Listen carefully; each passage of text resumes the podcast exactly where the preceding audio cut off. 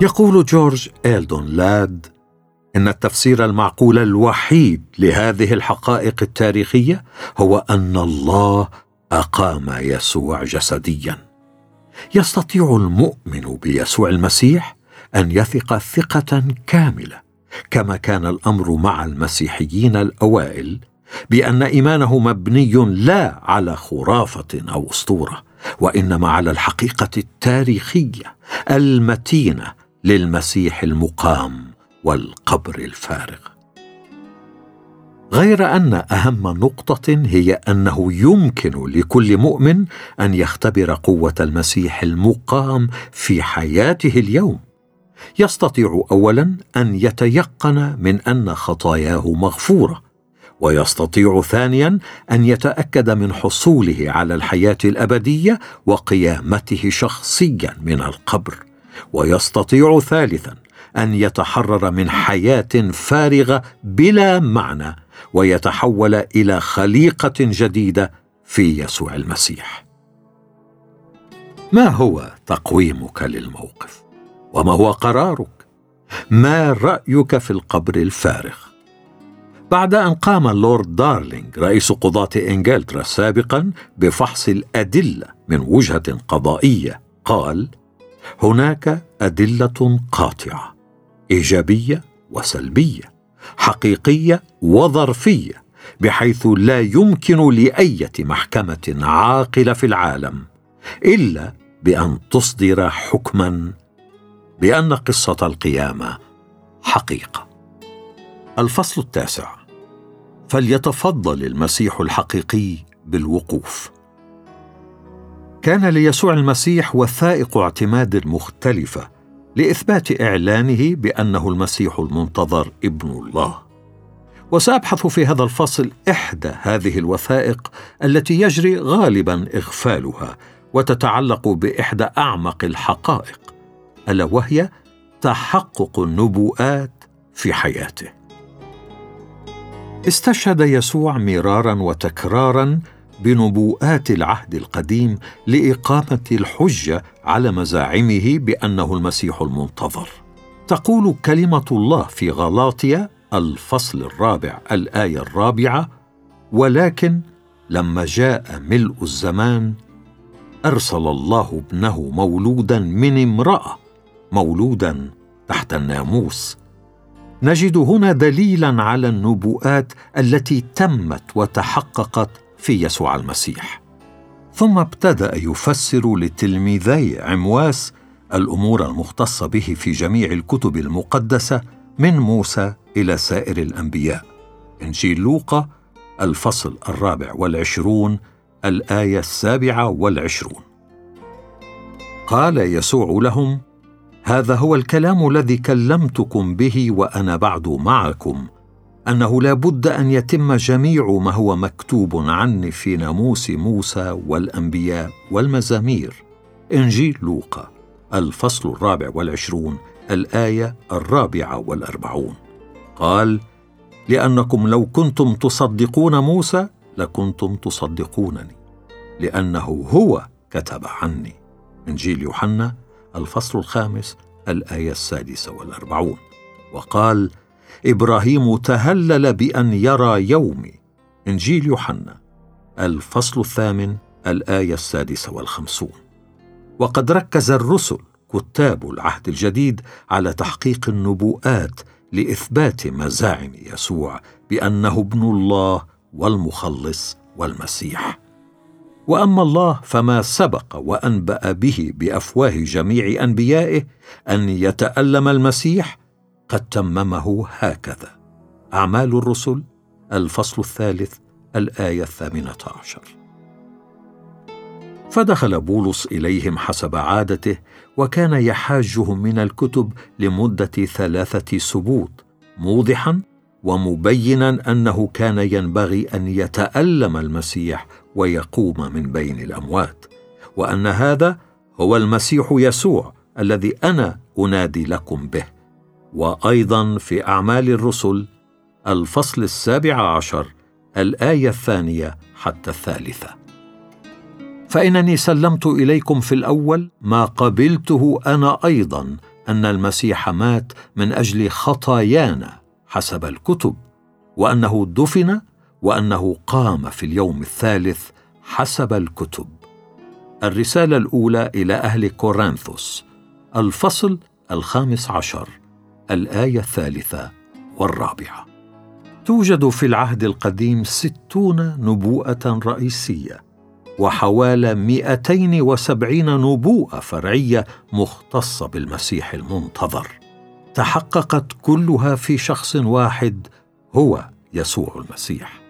ومن المفيد أن ننظر إلى كل هذه النبوءات المتحققة في المسيح كعنوان له ربما لم تلحظ أهمية التفاصيل المتعلقة باسمك وعنوانك غير أن هذه التفاصيل هي التي تميزك عن بلايين البشر الذين يسكنون هذا الكوكب.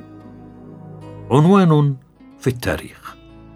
ولقد كتب الله عنوانا في التاريخ أكثر تفصيلا ليميز ابنه المسيح المنتظر مخلص الجنس البشري عن أي شخص آخر عاش في التاريخ سواء كان في الماضي أو الحاضر أو المستقبل.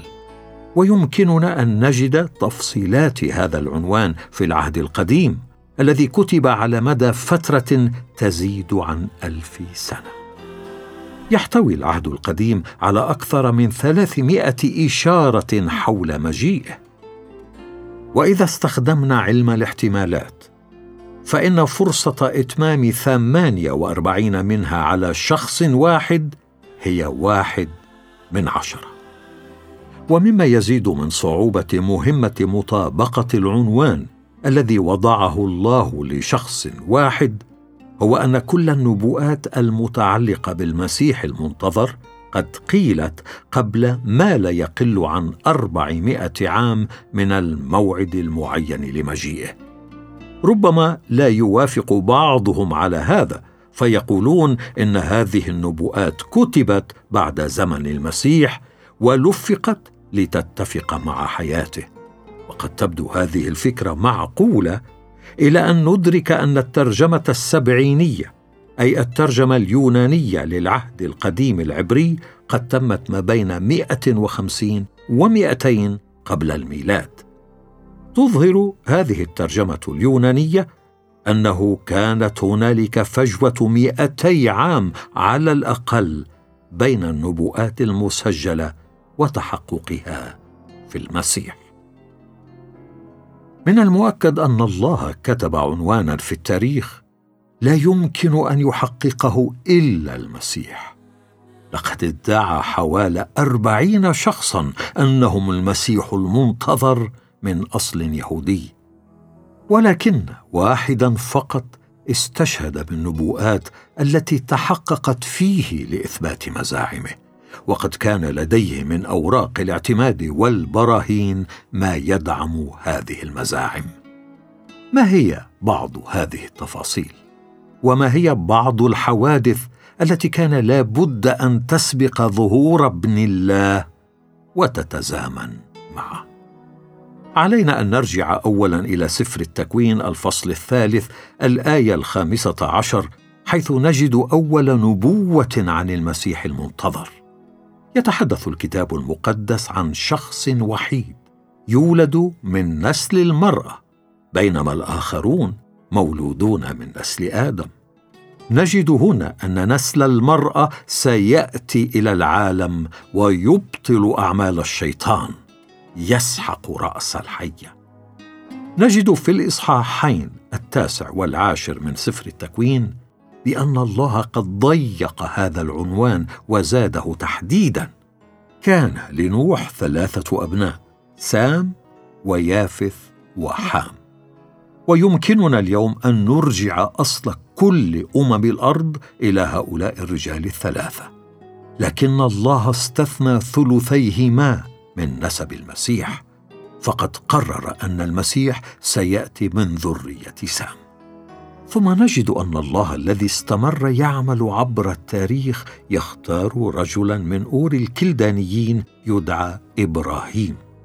وقد أصبح الله أكثر تحديدا في وعده بأن المسيح سيكون أحد أحفاده.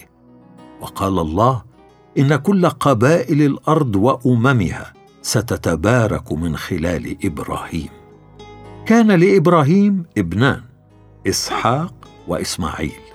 غير أن كثيرين من نسل إبراهيم لم يشملوا بالوعد عندما اختار الله ابنه الثاني إسحاق. كان لإسحاق ولدان يعقوب وعيسو. فاختار الله نسل يعقوب وكان ليعقوب اثنا عشر ولدا. جاء منهم اسباط إسرائيل الاثنا عشر. لكن الله اختار سبط يهوذا ليأتي المسيح من نسله مستثنيا بذلك بقية الأسباط.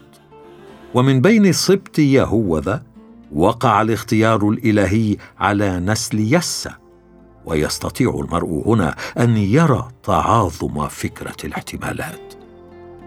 كان ليسى ثمانية أولاد لكننا نجد في السفر الثاني لصموئيل الفصل السابع الآية الثانية عشر حتى السادسة عشر وسفر إرميا الفصل الثالث والعشرين الآية الخامسة بأن الله استثنى سبعة أثمان نسل يسى من نسب المسيح. فنحن نقرأ بأن رجل الله هذا لن يكون فقط من نسل المرأة وذرية سام ومن الأمة اليهودية ومن ذرية إسحاق ويعقوب وسبط يهوذا ولكنه سيكون أيضا من بيت داوود. تقول نبوة يرجع تاريخها إلى عام 1012 قبل الميلاد بأن يدي هذا الرجل ورجليه ستثقبان أي أنه سيصلب. ولقد كتب هذا الوصف قبل ثمانمائة عام من بدء تبني الرومان لعقوبة الصلب. ويضيف إشعيا الفصل السابع الآية الرابعة عشر بأنه سيولد من عذراء أي أنه ستكون هنالك ولادة طبيعية لحمل غير طبيعي وهذا أمر أو مقياس يتجاوز حدود التخطيط والسيطرة البشرية. تصف نبوءات كثيرة مسجلة في إشعيا والمزامير المناخ الاجتماعي الذي سيعيش فيه رجل الله هذا. وردود الفعل التي سيواجهها فسترفضه خاصته أي اليهود وسيؤمن به الأمميون وسيكون هناك من سيسبقه ليعد له الطريق. إشعيا الفصل الأربعون الآية الثالثة وملاخي الفصل الثالث الآية الأولى. صوت صارخ في البرية يعد طريق الرب وهو يوحنا المعمدان. ثلاثون قطعة من الفضة. لاحظ أيضا أن هنالك نبوءات فرعية سبعة تساهم في تضييق هذا العنوان. يشير الله في أن المسيح سيتعرض للخيانة من قبل صديق مقابل ثلاثين قطعة من الفضة. وأنها سوف تلقى على أرض الهيكل تستخدم في شراء حقل فخاري. مزمور واحد وأربعون الآية التاسعة مزمور الخامس والخمسون الآية الثالثة عشر سفر زكريا الفصل الحادي عشر الآيتان الثانية عشر والثالثة عشر.